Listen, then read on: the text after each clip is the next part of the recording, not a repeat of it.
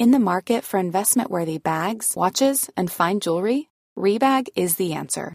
Rebag is a luxury resale platform where each piece is carefully inspected by experts to ensure quality and authenticity. Use Rebag to buy and sell finds from the world's top brands, including Louis Vuitton, Chanel, and Cartier. Head to Rebag.com and get up to 15% off your first purchase as a member with code REBAGNEW. Shop today at Rebag.com. That's R E B A G.com. And use promo code REBAGNEW for up to 15% off your first purchase as a member. When you're ready to pop the question, the last thing you want to do is second guess the ring. At Bluenile.com, you can design a one of a kind ring with the ease and convenience of shopping online. Choose your diamond and setting. When you find the one, you'll get it delivered right to your door. Go to Bluenile.com and use promo code LISTEN to get $50 off your purchase of $500 or more. That's code LISTEN at Bluenile.com for $50 off your purchase. Bluenile.com code LISTEN. Hey, I'm Ryan Reynolds. At Mint Mobile, we like to do the opposite of what Big Wireless does. They charge you a lot, we charge you a little. So naturally, when they announced they'd be raising their prices due to inflation, we decided to deflate our prices due to not hating you. That's right. We're cutting the price of Mint Unlimited from $30 a month to just $15 a month. Give it a try at mintmobile.com slash switch. $45 upfront for three months plus taxes and fees. Promo rate for new customers for limited time. Unlimited more than 40 gigabytes per month. Slows. Full terms at mintmobile.com.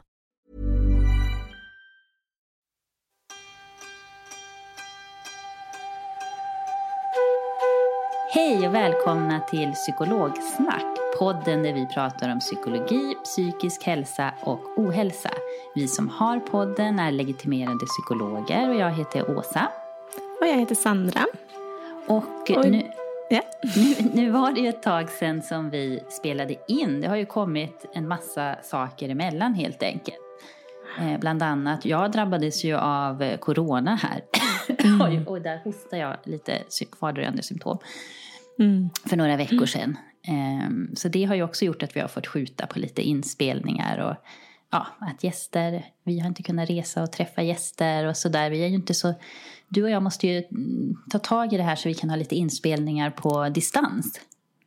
Ja, vi är ju fortfarande lite sådär gammalmodiga. Att Ja. vi, gärna, vi vill gärna träffa våra gäster och se dem. Och, och framförallt för att vara liksom säkra på att vi får ett relativt bra ljud. Ja, Men vi vet ju att andra, andra klarar ju av det här att spela in på distans. Så därför bör ju vi också göra det. ja det är en liten utmaning eh, som Ja. vi får ha. Du, jag måste berätta en sak som hände igår. Det här kanske kommer att vara lite exponering för dig.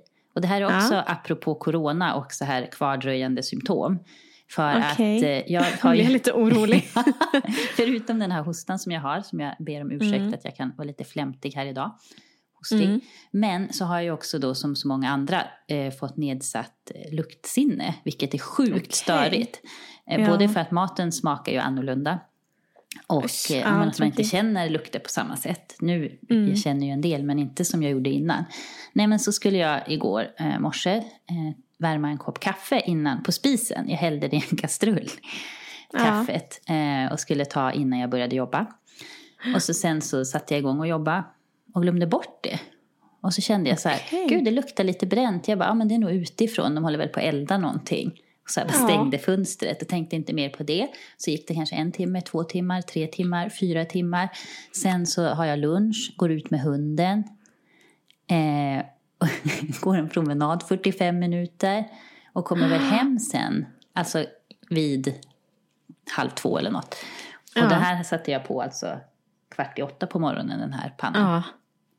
Kommer in i köket för jag ska fixa lite mat. Och ser och känner, ja, inte lukten, utan Nej. att det är varmt. Och då bara, nej, men då är det helt svartbränt i den här kastrullen. Som har stått på i typ Ah. sex timmar på spisen. I sex timmar. Ja.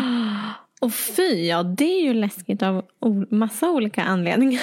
Ja, Men gud. jag bara, det hade ju det hade kunnat inte börja brinna. brunn. Ja. Ja, nej, men Det kanske om det hade hade varit längre. Plus, min värsta katastroftanke var också, gud tänk hade jag gått ut och lämnat hunden hemma och det hade Ja. börjat brinna. Men Usch. Men nu gjorde det inte det. Då var det också Nej. bra att veta att ja, det klarade ju sig många timmar där. För annars är ju det sånt som man ofta känner ganska snabbt som du säger. Eh, alltså, såhär, ja, Att det, man känner ju att det liksom luktar bränt när man rostar bröd på morgonen lite för länge. Liksom. Ja, ja. Eh, så att det där, åh, ja, när man hoppar, ja. Nej, men så när min kille Ja. kom hem, han bara gud vad det luktar här. Jag bara, nej men jag känner knappt det. Så vissa lukter känner jag, men andra Ja. inte alls. Jag hoppas du får tillbaka luktsinnet alltså. Ja, jag Det är med. ju inte kul det där. Men jag vet, jag har ja, pratat med andra också som har haft corona och covid. Och de säger ju liksom att ofta så är det ett sånt symptom, som kan vara kvar lite längre ju. Ja, precis. Men Nej, men- förhoppningsvis liksom försvinna med tiden i alla fall. Ja, och jag är faktiskt inte så orolig om jag ska vara ärlig för det. Men det var Nej. ändå väldigt så här eh, Ja. På, påtagligt får man säga. Därför man ska trippelkolla sin spis. Nej, det ska man fick- inte. Nu fick Men du bekräftelse för det. fick jag vatten på min kvarn. Ja. nej, nej men ja, skämt åsido. Nej men eh, obehagligt, verkligen. Ja, Tur att det bra. inte gick eh, värre än så. Ja. En bränd kastrull kan man ju överleva. ja. Ja. Okej, ja nej men som sagt det har ju varit en lång tid här av, av lite uppehåll och annat. Men nu hoppas vi att vi kommer igång lite igen. Och vi sitter ju faktiskt på distans idag du och jag. ja, det man är kan ju nytt. säga att vi har börjat i alla fall försöka anpassa oss till den nya situationen här. Ja, det tog bara ett och ett halvt år nästan. Det tog bara ett halvår. Men vi är på gång nu i alla fall. Yes. Så, så får vi hoppas att det här går bra så kan vi nog våga oss på så småningom också att ha lite gäster på distans. Så. Ja. Men idag då så ska vi prata om ett ämne som faktiskt, men det är några lyssnare som har önskat att vi ska ta upp det här och det är ju, kan vi också säga, ett ämne som vi båda är, ja men såklart tycker det är väldigt intressant och, och sådär. Så att då har vi valt att, att idag prata då om trauma och PTSD, alltså posttraumatiskt stresssyndrom och behandling utav trauma. Mm. Och eh, PTSD, eh, det kan ju uppstå hos en person eh, som själv har då utsatts för eller bevittnat eh, mycket svåra, livshotande och traumatiska händelser som katastrofer, olyckor, våld, misshandel, det kan vara våld i en nära relation, långvarig mobbning, sexuella övergrepp och ja, psykisk och fysisk eh, misshandel. misshandel. Ja, och det som drabbas kan ju då uppleva traumat i plågsamma minnesbilder.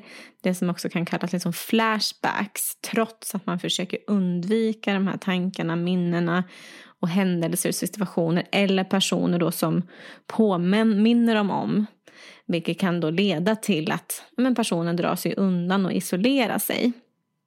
Och det är också vanligt att man får mardrömmar, eh, vilket också såklart kan påverka att man får sömnproblem eller man kan få sömnproblem för man tycker att det är obehagligt att somna. Så också. Eh, man, många blir överdrivet vaksamma, irritabla, lättskrämda.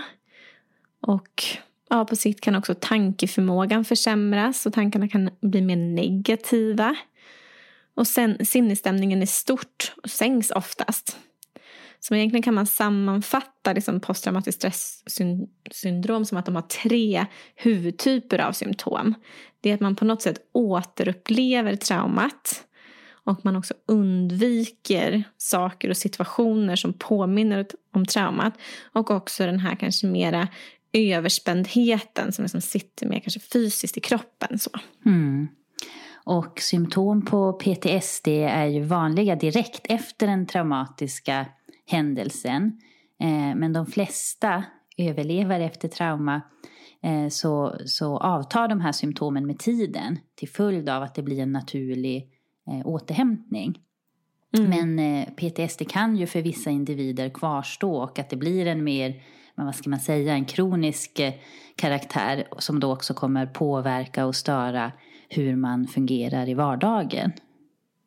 Ja, och det finns ju inte riktigt liksom någon entydig liksom orsak som man har funnit till varför symptomen kvarstår hos vissa drabbade och inte hos andra. Men, men det man har sett är att det, det, men det är tydligt att det här undvikandet av obehagliga men ofarliga påminnelser spelar en stor roll. Mm. Men även om man genom att försöka liksom undvika minnen och sådant som påminner om händelser får en lindring för stunden och man kan uppleva viss kontroll så fungerar den här strategin sällan i längden. Nej, det gör det- ju inte det. Även om man såklart kan, att det är förståeligt att, att man som drabbad kan försöka undvika det här för att det är smärtsamt att tänka på. Men om minnet av den här händelsen inte liksom får sorteras och bearbetas, och det här kommer vi ju att återkomma till, eh, då riskerar man ju också att fastna i de här obehagliga återblickarna och det här undvikandet som du pratade om. Så att man kan eh, jämföra det lite med som att de här intrycken de har lagrats lite överallt i, i minnesbanken. Utan om att man har den här tillhörande informationen om eh, när, var och hur. Eh, och därför blir de då ständigt aktuella. Jag kommer ihåg när jag jobbade med det här eh, tidigare, i- bland annat i psykiatrin då, så fanns det en, en liknelse där med att man kunde jämföra det med en bok. Att det liksom Ja. att man bara slog upp boken lite här och var. Så man fick inget sammanhang, ingen förståelse. Det bara kom emot en någonting så här plötsligt. Men man hade inte sammanhanget jämfört med när man läser boken från, från början Mm. till slut. Ja men precis, och då blir det ju verkligen den här känslan av att det är ja, men, okontroller, okontrollerbart och att det kan poppa, ut, poppa upp när som helst, hur som helst. Eh, minnen och tankar kring det här. Mm. Och det här tillståndet kan man ju säga kan ju drabba människor i alla åldrar. Mm. Ehm, och av alla som upplever en mycket svår livshotande och traumatisk händelse så får ungefär var fjärde diagnosen PTSD efteråt. Men det kan variera lite, det finns lite olika siffror där. Och efter vissa traumatiska händelser som våldtäkt och tortyr drabbar tillståndet kanske varannan person. Och enligt sammanställda studier av barn och unga utvecklas PTSD hos ungefär var sjätte som har utsatts för trauma. Och bland flyktingar och asylsökande personer är PTSD betydligt vanligare än hos personer utan sådana erfarenheter. Mm, mm. Och en annan sak som eh, kan vara värt att nämna är ju att eh, vid PTSD så skiljer symptomen sig åt eh, mellan barn och vuxna. Och även behandlingarna ser delvis olika ut. Och därför, vi har ju valt i det här avsnittet att fokusera på ja, men, symptom och behandling eh, hos vuxna då. Mm, precis. Ja, så är man mer nyfiken kring barn så kan det vara bra att tänka då kan det komma till uttryck på lite annat sätt. Och då får kanske man få leta upp lite mer information kring det och inte bara luta sig på det som vi säger här idag. Nej, och där kan nog säkert eh, podden Barnpsykologerna eh, Ja. Jag skulle tro, nu har jag inte full koll på det, men de har gjort jättemånga avsnitt. Så jag tror Absolut. att de har säkert ett om trauma och eh, PTSD också. Mm, precis. Den är ju jättebra, den podden. Ja, verkligen. De tar upp väldigt mycket bra ämnen. Mm. Och så är det ju med många psykiska olika liksom, tillstånd eller syndrom. Att, ja, det, det blir lite olika beroende på om man är vuxen och barn. Så det, det är därför också behövs liksom, olika typer av information beroende på. Då. Olika Ehm. typer av poddar. Ja, men precis. Även om man gärna skulle vara den som kan allt om allt. så är det lite omöjligt. Verkligen. Eh, så. så vi får fokusera på vuxna. Så. Men och, som vi sa tidigare, en, efter en traumatisk händelse så är det ju vanligt att stressreaktioner uppkommer men att de flesta då liksom återhämtar sig på egen hand. Att det här liksom försvinner eh, lite av sig själv, om, framförallt om man då kan ta hand om sig på ett bra sätt. Eh, men diagnosen PTSD kan sättas först en månad efter den traumatiska händelsen även om symptom kan uppkomma tidigare. Och det har kanske lite just med det att göra för att på många så ser vi att, att eh, symptomen avtar. Att det kanske faktiskt det blir inte det här mera liksom, kroniska karaktären som du beskrev Åsa utan det är faktiskt, men, kan man säga, läker ut lite mer av sig själv. Så därför väntas man ofta ett tag innan man kan sätta diagnosen. Det betyder ju inte att man inte kan få hjälp dess, dessinnan. Men att för att få liksom, dia- diagnosen så tar det ett tag. Ja, och om man inte, om man då uppfyller diagnoskriterierna för PTSD och inte får behandling så kan ju det faktiskt också i sin tur leda till annan psykisk ohälsa och, och sjukdom. Och det är ju ytterligare en orsak till varför det är viktigt att ja, men både förebygga och behandla eh, Ja. PTSD. Precis. Och för att uppfylla diagnoskriterierna för PTSD så ska man ju ha ett visst antal symptom som ska ha funnits då i mer än en månad och lett till ett stort lidande och eller en försämrad funktionsförmåga för personen. Mm. Och när man har tittat på det här i studier, både i, i Sverige men även internationellt, så eh, talar siffrorna för att det är ungefär 20-30 procent av de som exponeras, alltså utsätts för ett uttalat trauma, eh, som kommer då att drabbas av en traumarelaterad psykisk sjuklo- sjuklighet. Eh, mm. Och oftast i form av PTSD. Mm. Och att man också har sett att minst 1-2 procent av befolkningen riskerar att någon gång under livet utveckla PTSD. Antingen som ett övergående tillstånd men det finns också den här risken för kronisk sjukdom. Ja, precis. Mm, ja, det är ju liksom, det är ändå skrämmande att det är så pass många. Mm. Eh, och ja, det är, när man lyssnar på nyheterna så blir man ju tyvärr inte helt förvånad. Så mycket hemskheter, tyvärr, som människor utsätts för. Ja. Så. Mm. Det finns också en svårare form av PTSD kan vi, kan vi nämna. Eh, och den kallas för komplex PTSD. Och begreppet komplex PTSD är dagsläget inte liksom en egen etablerad diagnos i ICD-10 eller DSM-5. Alltså de två ja, ja. diagnosmanualerna. Precis. Ja. Men det har föreslagits att bli en liksom egen diagnos i kommande ICD, då, ICD-11.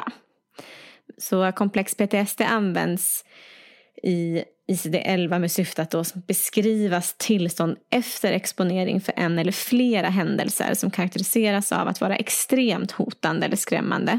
Eller upprepade händelser där det i det närmaste är omöjligt att fly.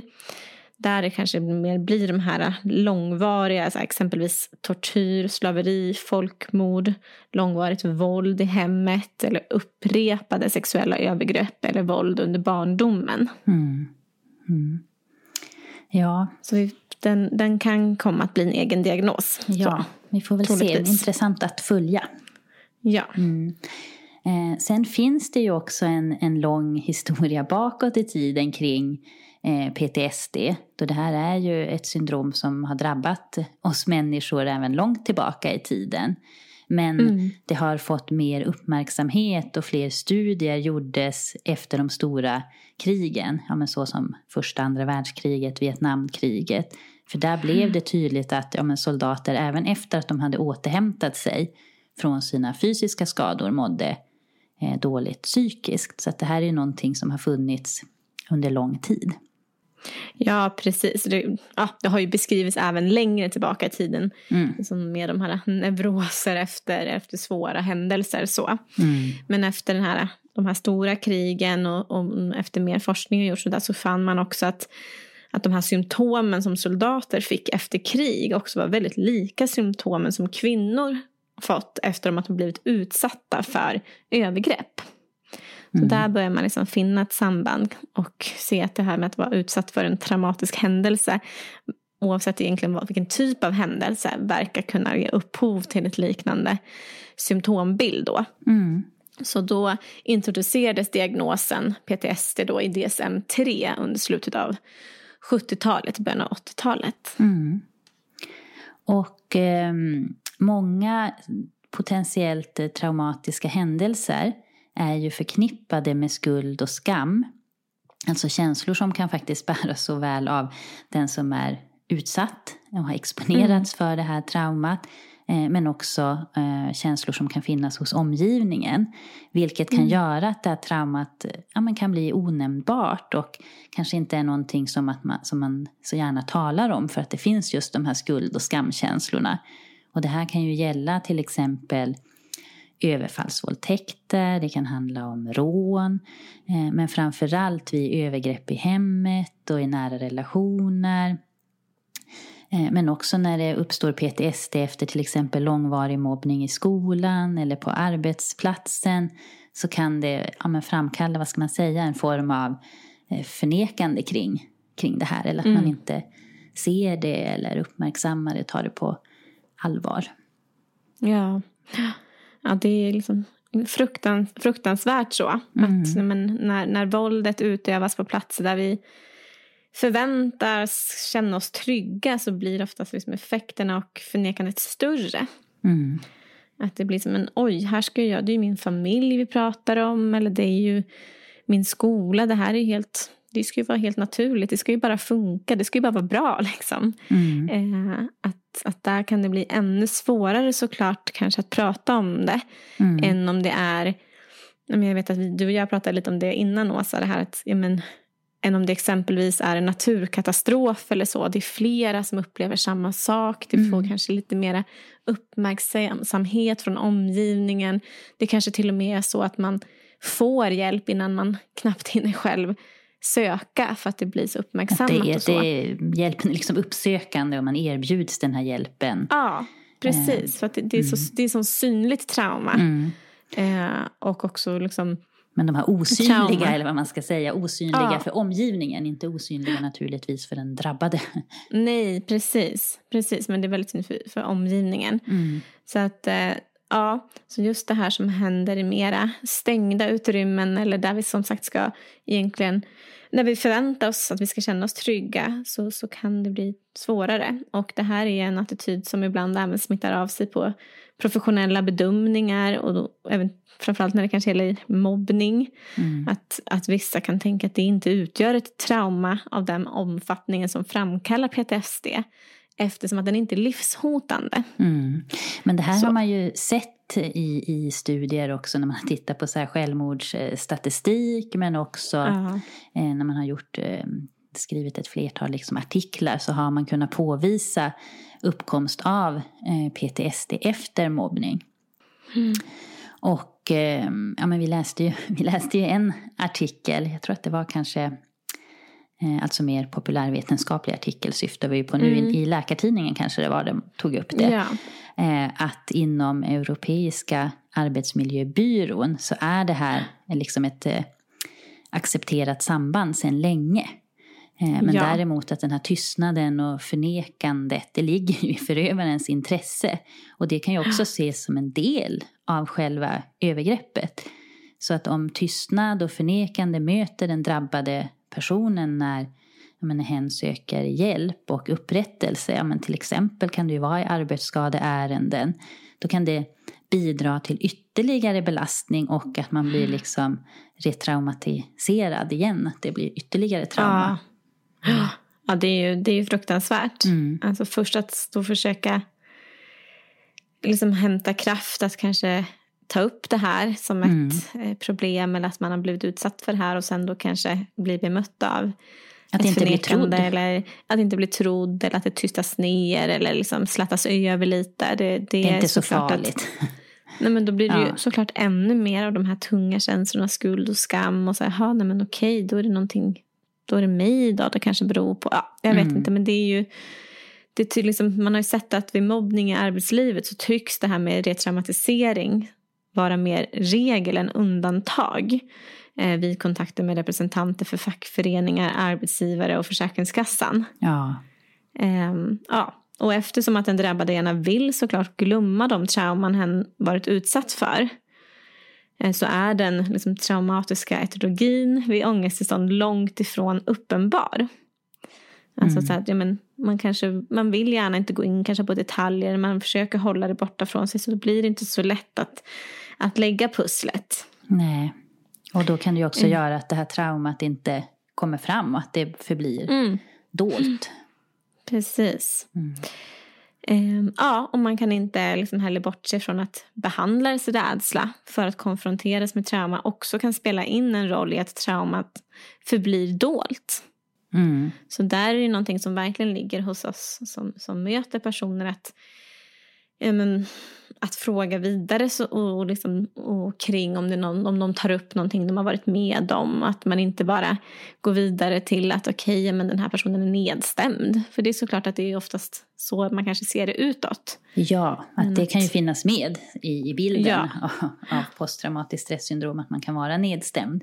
Och vissa Ja. symptom kan ju vara lite lika varandra, men att man faktiskt tar det här Mm. på allvar. För det kan ju annars vara lätt att man inte, ja, som vi var inne på, att man inte ser det som, tänker sig att det här är inte tillräckligt allvarligt för det har inte varit eh, fara för personens liv på det sättet. Nej, nej. om någon säger så men jag kanske har, dålig, har lite dålig självkänsla, jag var med om mobbning på min förra arbetsplats. Mm. Och då är det såklart lätt att man kanske säger okej, ja men gå vidare och fråga kanske mer om självkänsla eller vad man ska göra annorlunda idag och så. Man kanske inte riktigt tänker på att det här har blivit en, en traumatisk händelse som behöver då behandlas på ett annat sätt. Mm. Nej, men det tycker jag är någonting som jag kan ta med mig. Alltså att påminna sig om att man faktiskt inte missar eh, Ja, att fråga vidare. Ja, det är så självklart liksom, om, man, om, om en person berättar att man har varit med om ett, en våldtäkt till exempel eller ett övergrepp. Att PTSD blir liksom en, en, en naturlig tanke. Att så här, det här skulle kunna vara eh, konsekvens liksom, av det. Mm. Eh, men det är, inte, det är inte alls lika självklart, att, om jag talar för mig själv i alla fall, om någon då pratar kanske mer om mobbning eller, eller sådär i arbetslivet. Mm. Mm. Så att absolut, ja, men det är någonting jag också ska ta med mig tänka, tänka mer på. Helt klart. Mm. Ja, nu har vi ju lite här i första halvan eh, av, av podden gått igenom lite översiktligt vad PTSD är och vad det handlar om. Och eh, a- andra halvan av podden kommer vi ju ägna oss lite mer kring vad kan man göra åt det då? Vilken hjälp finns att få? Vilken eh, behandling finns? Yes. Och som vi var inne på så är det ju så att återhämtning från PTSD fungerar olika från person till person. Vissa har ju lätt att prata kanske med vänner eller andra i sin omgivning och eh, börjar successivt må bättre med hjälp av det. Medan andra behöver stöd och hjälp för att faktiskt också kunna sätta ord eh, på det som har hänt. Eh, men det man då kan göra liksom för att ta hand om, om sig själv det är ju att göra sånt som man vet att man brukar må bra av och använda sig också av men de eventuella erfarenheter som man har från kanske tidigare svåra situationer. Och det finns ju några saker som brukar vara bra för att eh, ta hand om sig själv. Ja. ja, men precis. Och det här tar ju liksom inte bort det här är ju inte att, ta, att det tar bort PTSD liksom. Nej, men Så, en del i men- läkningsprocessen. Och ibland, som sagt, att det självläker. Eh, och Precis. ibland, och det kommer vi ju komma in på, så kan, kan det ju vara så att man också behöver mer hjälp och stöd och en Ja. regelrätt behandling. Men det finns ju ändå lite tips på vad man kan göra i så här självomhändertagande Ja, beteende. som kan minska risken för just att det blir, får den här mer kroniska karaktären. Mm. Absolut. Och där är en sån sak är liksom fysisk, fysisk aktivitet. Att det kan lindra symptom vid psykisk ohälsa. Mm. Ehm, och att träna avslappning och långsam andning. Och såklart äta. Det behöver vi alltid göra när vi ska orka återhämta oss. Både om det är psykiskt eller fysiskt så, så krävs det energi. Mm. Eh, rutin för sömnen. Försök att få till att sova. Och undvik alkohol och droger. För det kan ju vara en sån början på ett undvikande beteende också. Eller, ja, att Ja, för det kan att- lindra i stunden men, men att det, det hjälper inte på sikt. Exakt, ja. Och träffa andra. Um, umgås med dem som man vet att man mår bra av att umgås med. Det kan ge mer positiva upplevelser. Mm. Om man, att vilja liksom undvika sociala sammanhang som skapar obehag är naturligt såklart när man har varit utsatt för trauman men hindrar då en från att få de här positiva upplevelser och på sikt minska symptomen. Mm. Så man försöker, det är såklart det kan kännas jobbigt om man har varit med om någonting tufft att träffa andra. Mm. Men att där kan det vara viktigt att ändå, och såklart kanske då välja att träffa dem som man, som man känner sig som tryggast med i alla fall. Ja, och som sagt, det här, tanken är ju inte att det här ska vara en check eh, lista. Eh, där man ska säga yes, då bockar jag av det här och så gör jag det här och så blir jag bra. Men att det här är ändå Nej. lite tips på vad man kan göra för att kanske förebygga att ta hand om sig själv eh, Ja. i det svåra. Precis. Men ibland, så som vi nu har varit inne på, så är det ju faktiskt så att man behöver mer hjälp och då finns det ju behandling att få. Och det är då en speciell form av KBT som kallas för traumafokuserad eh, terapi. Eh, traumafokuserad KBT eller prolonged exposure, PE, som vi kommer väl använda förkortningen här framöver. Och det är också den vi kommer utgå från idag när vi då pratar om behandling. Och eh, traumafokuserad terapi går ju ut på att personen då får stöd i att i en trygg miljö långsamt närma sig de här traumatiska minnena. Och PE har ju en god evidens för behandling av PTSD eh, med alla typer av trauman och det används också i många olika kulturer. Och man har också sett att den här behandlingen har effekt på samsjuklighet som ja men, eh, depression, alkoholmissbruk, ångest, självskadebeteende. Mm. Men innan vi går mer in på det så kan vi också nämna att det finns en annan form av behandling eh, som kallas för ögonrörelseterapi eller eye movement desensitization eh, and reprocessing. EMDR. Jag, tror, jag hoppas att jag sa det där rätt nu. Ja, svåra um, ord. ja, det var det. Alltid så snubbla lite på, tung, snubbla lite på tungan när man är så svåra engelska ord. Eh, men i EMDR då så används ögonrörelser i samband med en aktivering av det traumatiska minnet.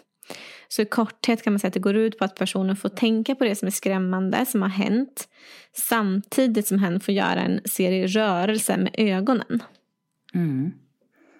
Eh, jag har faktiskt inte arbetat med den själv, men PE är ju något som jag har arbetat med tidigare ja. när jag jobbade i psykiatrin. Vi fick testa EMDR kort bara, tänk, kommer jag ihåg, i utbildningen. Ja. Um, att göra det i någon sån, sån övning. Men mm. jag har inte stött på det sen och jag har inte heller jobbat med det själv sen. I, rent kliniskt så. Mm.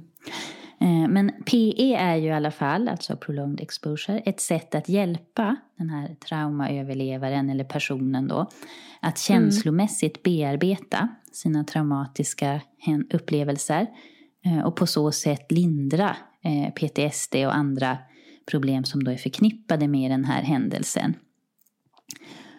Och PE betyder ju att det är en långvarig exponering och det kommer utifrån en ja, men vad kan man säga, en lång tradition av beteendeterapi för ångeststörningar. Mm. Ja, och det som är liksom gemensamt för det här med beteendeterapi för ångeststörningar är ju att man hjälper personer att närma sig det, alltså det vill säga exponera sig för ofarliga men ångestväxande förlåt, väckande situationer i syfte att minska överdriven rädsla och ångest. Mm. Och ett klassiskt exempel på en sån typ av exponering är ju rådet som ryttare ofta får efter man har blivit avkastad från sin häst. Mm. Att snabbt komma upp på hästen igen eller snabbt sätta sig i sadeln igen. Mm. Eh, och på så sätt övervinner liksom ryttaren sin rädsla för att bli avkastad igen och förebygga att rädslan får överdrivna proportioner. Mm. kommer man ju ihåg från, jag red ju mycket när jag var barn. Ja, mm. fick man hoppa upp igen snabbt på hästen när man hade trillat ja. av. För annars är det lätt att man liksom börjar, den här rädslan börjar sprida sig och ta mer och mer plats. Så. Mm.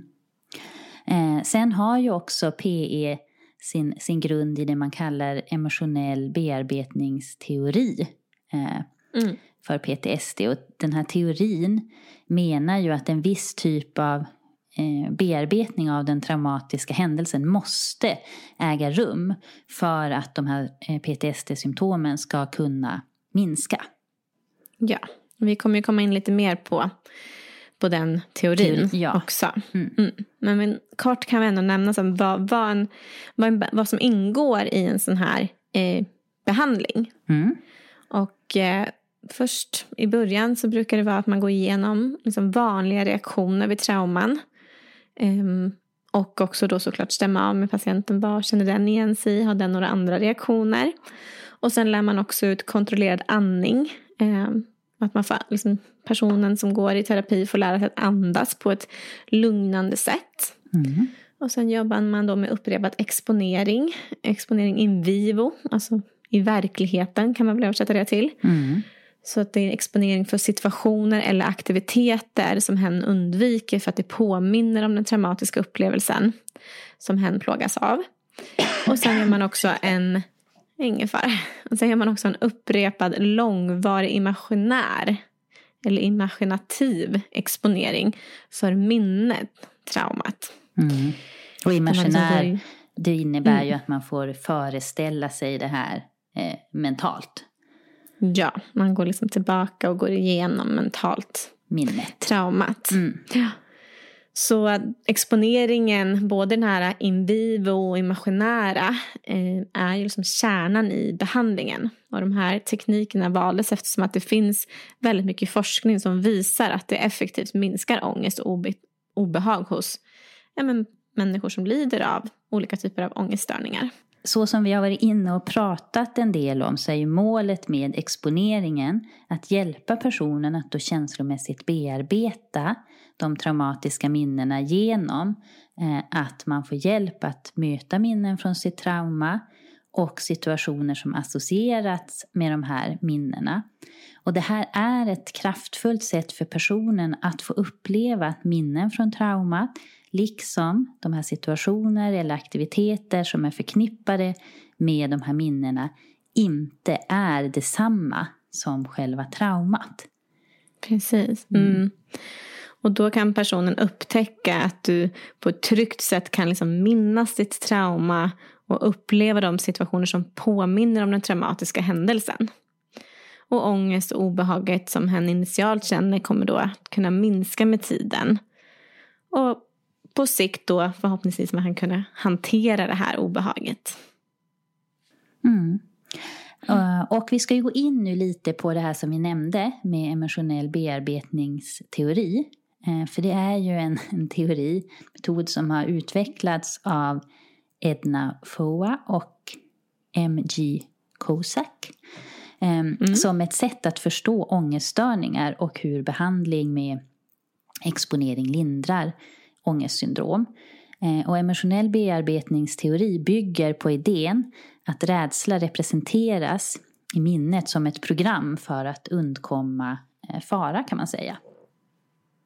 Ja, och den här rädslostrukturen innehåller olika sorters information, inklusive information om vad vi är rädda för, vilket kallas ett fruktat stimuli, ja, men, låt säga en orm.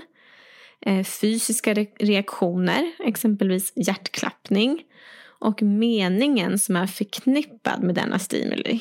Till exempel ormar är farliga och responser, exempelvis då hjärtklappningen innebär att jag är rädd. Mm. Det, inte det här är ju inte helt enkelt att greppa. Nej, det, inte helt, och det behöver man kanske inte göra här Nej, heller nej vi vill bara beskriva det här så att man får en liten bakgrund kring varför behandlingen ser ut som den gör. Ja, ja precis. Ehm, och jag tänker också att det är viktigt där att när en rädsla är realistisk, då kallar vi det för en ja, så kallad normal rädsla. Och strukturen av rädsla innehåller ju då information om hur vi på bästa sätt eh, ska reagera på den här verkliga faran. Att vi känner rädsla eller skräck när vi ser en orm och vill fly är kanske således då lämpliga eh, reaktioner och kan ses som ja, men normala och en, liksom, en, en helt adaptiv eh, reaktion på situationen. Ja. I Sverige kanske det inte behöver vara det, där har vi inte så farliga ormar. Men i andra delar, i andra delar av världen kanske det kan vara så. Mm. Precis, men när jag mötte en orm, en, en snok, jag reagerade ja. väldigt, tycker jag ju då, adaptivt där. Det pratade vi om, jag tror det var i panikångest hoppade upp i min killes... Ja, ja. Slängde mig om hans hals och liksom hoppade upp jag blev så rädd. Det var en väldigt ja, men, och, adekvat ja. reaktion. Ja, och det, ja, jag tycker det. För det är ju såklart om att det hade varit en farlig ju... orm hade det ju varit det. Precis, och jag det tänker det har, jag. Man inte, det har man inte tid att stå och utvärdera. Nej, nej. Så att så här, åh just det, jag är i Sverige, nej men då behöver jag inte hoppa. Det här var ingen kobra.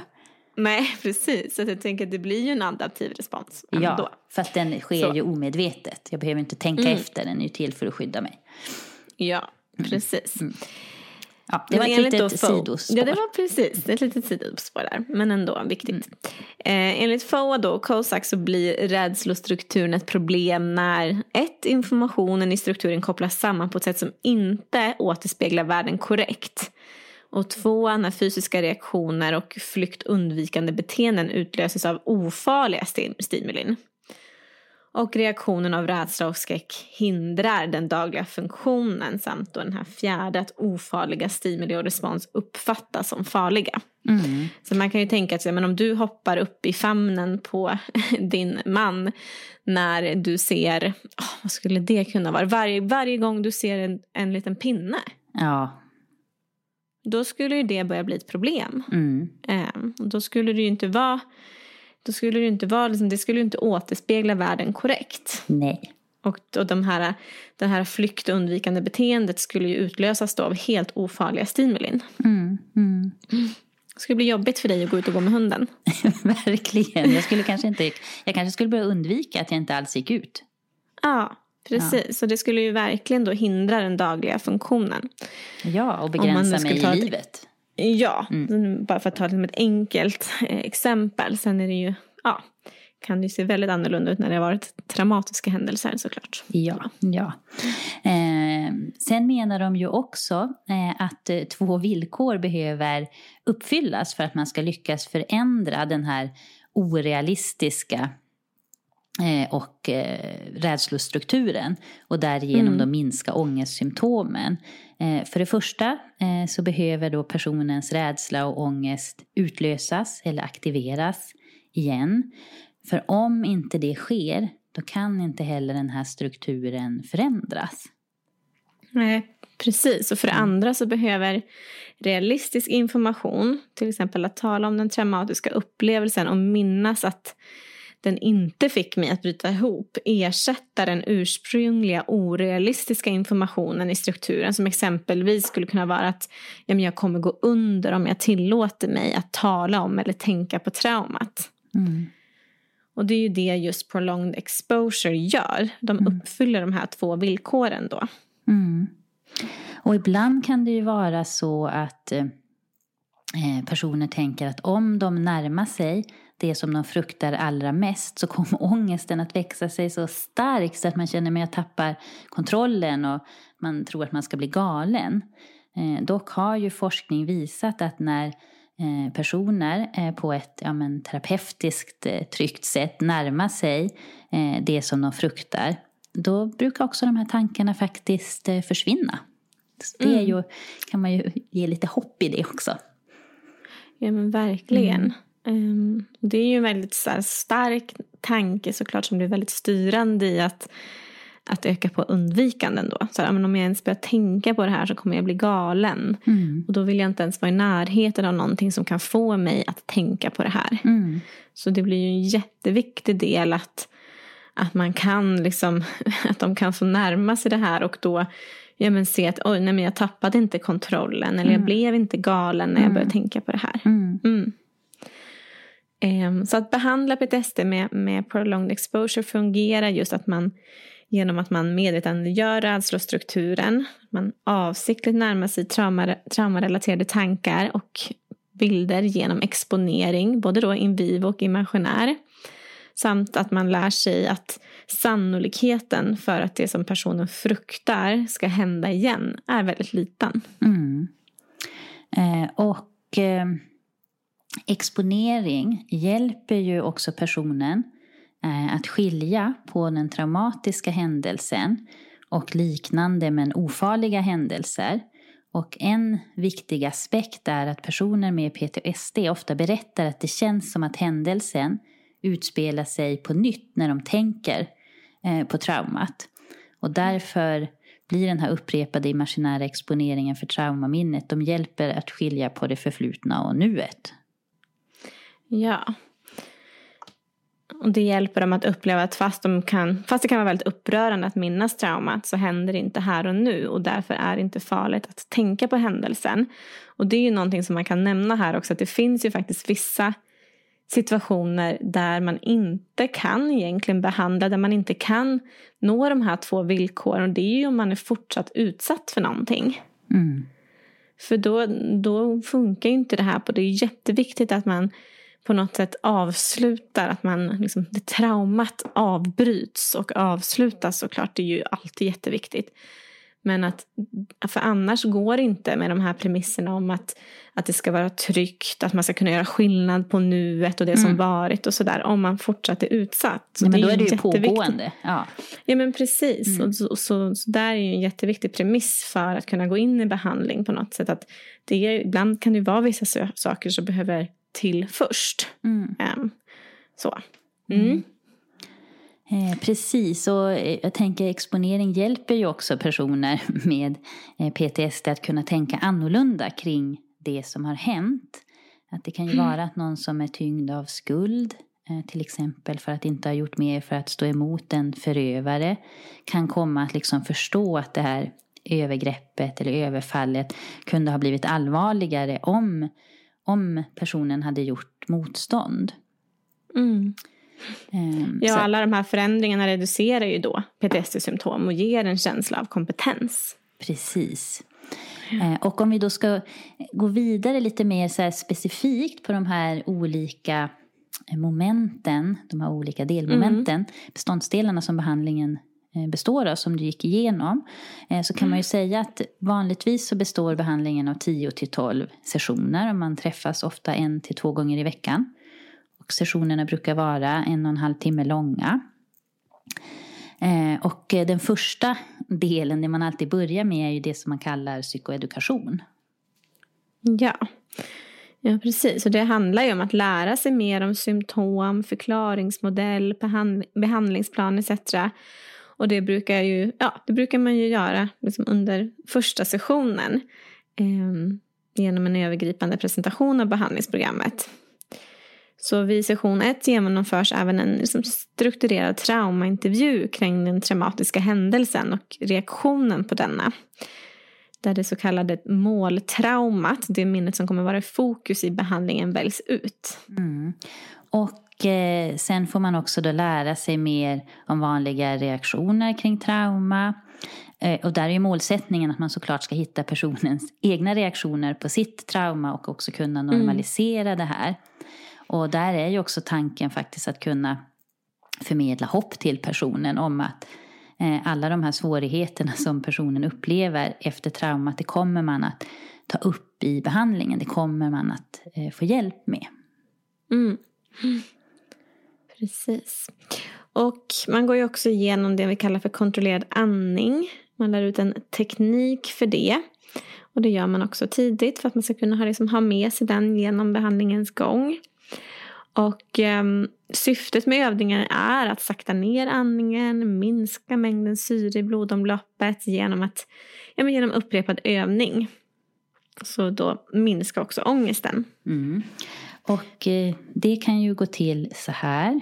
Nu får vi se om jag klarar av den här övningen med min flämtande hosta i halsen. Ja. Eh, men det kan gå till så här. Man tar ett vanligt andetag.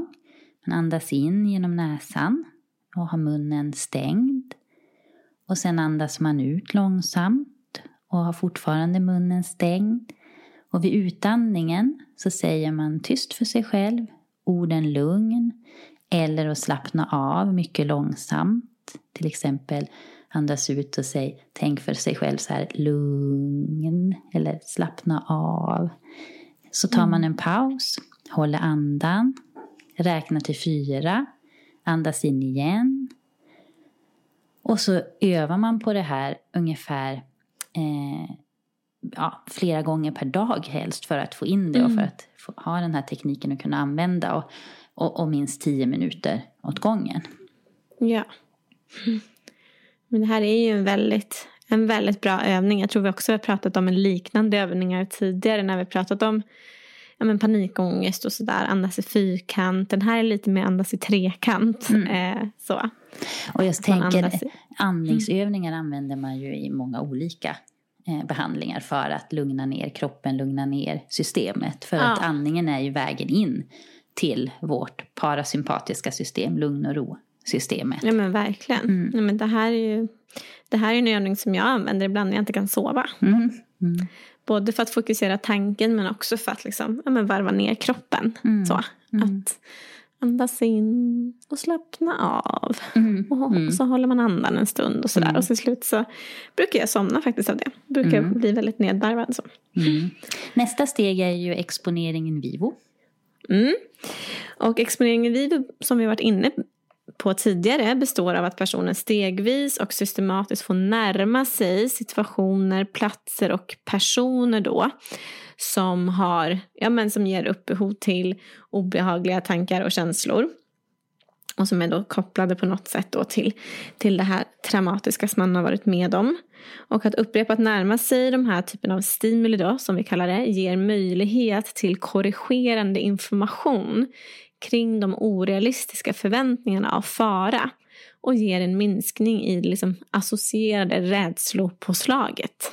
Och då brukar man göra så att man skapar en lista över ofarliga situationer som undviks eller uthärdas med mycket starkt obehag på grund av det här traumat. Och sen får man då stegvis exponera sig för de här eh, situationerna. Mm. Så man rangordnar ju lite de här, så hur mycket obehag skapar Precis. de här olika situationerna. Ja, ja och där börjar man ju man... sällan med, med den som skapar mest obehag, utan man kanske börjar lite längre ner och sen hoppar ja. lite i den här hierarkin. Precis. Mm, och sen den imaginära då, eh, exponeringen innebär att personen som vi också varit inne på får återbesöka minnet genom att återberätta det för terapeuten som att det hände nu, alltså i presens. Och det här brukar man göra ungefär i 45 minuter och det är därför oftast de här sektionerna också är min, jag menar, att de ligger där på en och en halv timme för att man lägger så pass mycket tid på, att, på den här imaginära exponeringen. Och det man gör då också är att man, man spelar in det här eh, så att personen kan lyssna på det här. För det är ju en hemuppgift som man ger till personen som går i terapin då att den kommer få lyssna på bandinspelningen dagligen. Mm, det blir ju en exponering. Ja precis, så då kan mm. man ju liksom, det blir, annars blir det ju bara, ska jag väl inte säga, men annars blir det liksom exponering den här en till två gånger i veckan när man ses. Och man ser att det får en ökad effekt om vi kan göra lite mer regelbunden eh, exponering. Så därför blir det ju väldigt bra det här att man kan spela in det. Mm. Eh, och efter den imaginära liksom, exponeringen eh, så bearbetas eller processas själva exponeringen. Mm. Och eh, arbetssättet förbättrar personens emotionella bearbetning och leder till att minnet av traumat inte längre skapar en intensiv handikappad ångest. Och behandling genom både då imaginär och exponering in vivo kan ju såklart verka svårt till en början. Och många traumatiserade människor är ju eh, förståeligt nog då såklart att, att rädda för att gå in i det. Mm. Eh, och över tid så kommer ju personen att uppleva att den här behandlingen är eh, utmanande. Eh, men också eh, få känna sig bättre och att känna att man klarar av det här och när man märker att symptomen börjar minska, att det också faktiskt ökar tilltron till den egna förmågan. Ja. ja, verkligen. Och det är ju också någonting man oftast pratar mycket om i början. Att mm. så här, men, i, i ja, men introduktionen av behandlingen att så här, men det här kommer vara såklart svårt. Mm. Men man skulle ju aldrig göra det här om man inte visste att det fanns väldigt goda chanser att det här kommer skapa en lindring och en ökad mm. livskvalitet och minst, alltså förbättrad sinnesstämning. Ja, och att man också får komma ihåg och påminna sig om att det sker under liksom trygga, kontrollerade former. Ja. Och man har sin psykolog eller terapeut mm. med som stöd i den här behandlingen. Ja, mm. men verkligen. Och det vet jag också oftast att, eller de få gångerna jag jobbade med det här, att jag menar, när de gör de här, eh, lyssna på de här inspelningarna och sånt där, att man kanske också har att man kanske inte gör det när man ska vara ensam hela kvällen, utan man ser till att ja, men man gör det och sen kanske man ja, tränar lite eller man, har, man träffar någon kompis efteråt eller sådär. Så att man ja, man har en ganska, det är väldigt så strukturerat upplägg på det mm. sättet. Mm. Där man som bra. terapeut, ja det är ja. jättebra upplägg och mm. där man som terapeut är ju såklart otroligt mån om att det här görs på ett på rätt och på ett bra sätt. Där man mm. kan skapa så mycket känsla av kontroll som möjligt utan att det såklart blir överdrivet. Ja. Eh, men jag tänker bara om vi ska gå tillbaka lite till det här hur, hur det kan se ut i, i, i behandlingen när man lägger upp en behandling. Mm. Så att i takt med att man liksom kommer vidare i behandlingen så uppmuntrar man ju också personen att be få beskriva det här traumat mer detaljerat vid den här imaginära exponeringen. Och ungefär, alltså här får man ju tänka att det är mellan tummen och pekfingret, men ungefär runt ja. session 6 där någonstans. Eh, då rekommenderar man att i den här imaginära exponeringen att den ska ske eh, på så vis att personen då får koncentrera sig på de här mest plågsamma eh, delarna av traumat, alltså det man kallar för brännpunkter. Mm. Ja, precis. Till en början när man går igenom de här eh, traumorna då, då kan det ju oftast vara så att, säger att det handlar om ett övergrepp. Eh, så kan det ju vara att man be beskriver egentligen hela dagen nästan. Liksom så. Man, man eh, det blir liksom översiktligt och man är inte Ja. inne så mycket i detaljer. Precis, och det är inte heller konstigt att så här, ja, men ju, mer närma, ju, ju mer personen närmar sig själva då, det vi kallar för brännpunkten, så kanske man beskriver lite mera snabbt. Man hoppar kanske över vissa saker och sådär. Så det är ju som du säger, det är det man gör sen, efter man har kommit en bit in, att man, man stannar kanske upp lite mer i det som är det faktiskt traumatiska. Så. Det, blir, det är ju det som också blir att det blir en gradvis exponering även i den Ja. imaginära exponeringen, tänker jag. Mm. Och sen får man ju då liksom parallellt eh, med behandlingen arbeta med hemuppgifter kring att exponering in vivo. Eh, att de kan få liksom, hemuppgifter i att närma sig vissa situationer och så. Och som vi sa tidigare också att man, man rekommenderar ju att alla sessioner spelas in och att man lyssnar på inspelningen mellan sessionstillfällena. Och det behöver faktiskt inte bara vara själva eh, inte bara själva den Exponeringen. utan Mm. också, precis, utan det kan också vara det här bearbetandet som sker efteråt. Mm. Att personen även kan lyssna på det då, mellan gångerna. Och sen eh, när man då, om man tänker i slutet av behandlingen, då återgår sen den här imaginära exponeringen till att, att man går tillbaka till en genomgång av liksom hela minnet. Eh, och sen att diskussionen efteråt har då fokus på hur har, hur har din, din upplevelse har förändrats under behandlingens gång och, och att man också gör en liksom ganska detaljerad får man ju säga genomgång av vilka framsteg som personen har gjort under behandlingen och, och hur man ska eh, hur personen ska kunna fortsätta och tillämpa det här som den har lärt sig under behandlingen sen på, på egen hand och, och det man också då kallar återfallsprevention, hur man kan förebygga återfall och så. Och sen att man gör ett, ett avslut tillsammans.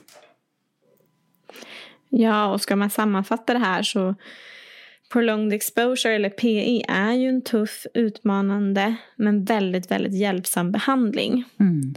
Och om du som lyssnar känner igen dig och liksom i att men, jag kanske faktiskt skulle behöva hjälp, kanske har eh, PTSD-symptom så kan du då alltid vända dig till din vårdcentral för en första bedömning. Mm. Eh, och eh, ja, med det. Det känns som att det blev ett långt avsnitt det här. Jag har ingen Ja. riktig koll på tiden, men det känns som att du och jag snackar på länge. Men vi hoppas att eh, ni som, eh, att du som lyssnar har fått med dig och kanske lärt dig någonting eh, nytt idag. Ehm, Ja, och, eh, verkligen. ni får gärna höra av er till oss på Instagram eller Facebook och kommentera, ge feedback, eh, ha önskemål och så. Sen får man väl säga, vi är inte alltid supersnabba på att svara. Men, men vi, Nej. vi gör det inom, vi försöker göra det så liksom när vi ser det. Ja, ja. Eh, så. Eh, och en annan sak som faktiskt också eh, jag kom på här att ni får gärna gå in och betygsätta podden i de här vanliga poddapparna. För nu har jag fattat att om man får liksom bli betygsatt där då hjälper det en att liksom synas och att lyftas upp och Aha. uppmärksammas i den här stora eh, poddjungeln och att man faktiskt också Ja. då kan nå ut eh, till fler lyssnare. Jag har inte fattat det på två och ett halvt år då. Nej, det är ju alltid samma så algoritmer för sånt där. Vad Ja. är det som gör att man syns och pushas upp i olika listor eller ner? Okej, och så, ja, det visste inte jag heller. Att Ja. Har man många bedömningar eh, så, så får man då så kanske man då syns lite mer också. Ja, ja. Ja. Eh, och sen får vi väl också då som eh, vanligt säga ett stort tack till Ulf, Solulf Svedlund, för att vi får låna din musik här i podden. Ja, men tack för att ni har lyssnat. Och så kommer vi tillbaka snart Ja, med ett nytt avsnitt. det gör vi. Ja. Tack, hej då! Tack så mycket, hej!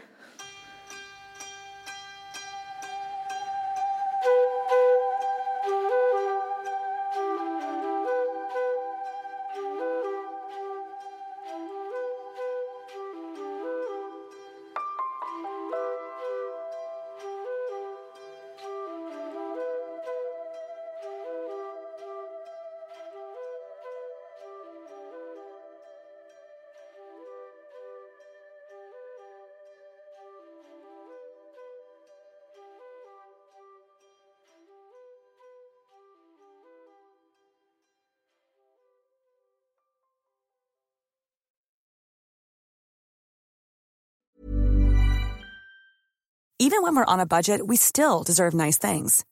Quince is a place to scoop up stunning high-end goods for 50 to 80% less than similar brands. They have buttery soft cashmere sweaters starting at $50, luxurious Italian leather bags, and so much more. Plus, Quince only works with factories that use safe, ethical, and responsible manufacturing. Get the high-end goods you'll love without the high price tag with Quince. Go to quince.com slash style for free shipping and 365-day returns. Hey, it's Paige DeSorbo from Giggly Squad. High quality fashion without the price tag. Say hello to Quince. I'm snagging high-end essentials like cozy cashmere sweaters, sleek leather jackets, fine jewelry, and so much more. With Quince being 50 to 80% less than similar brands.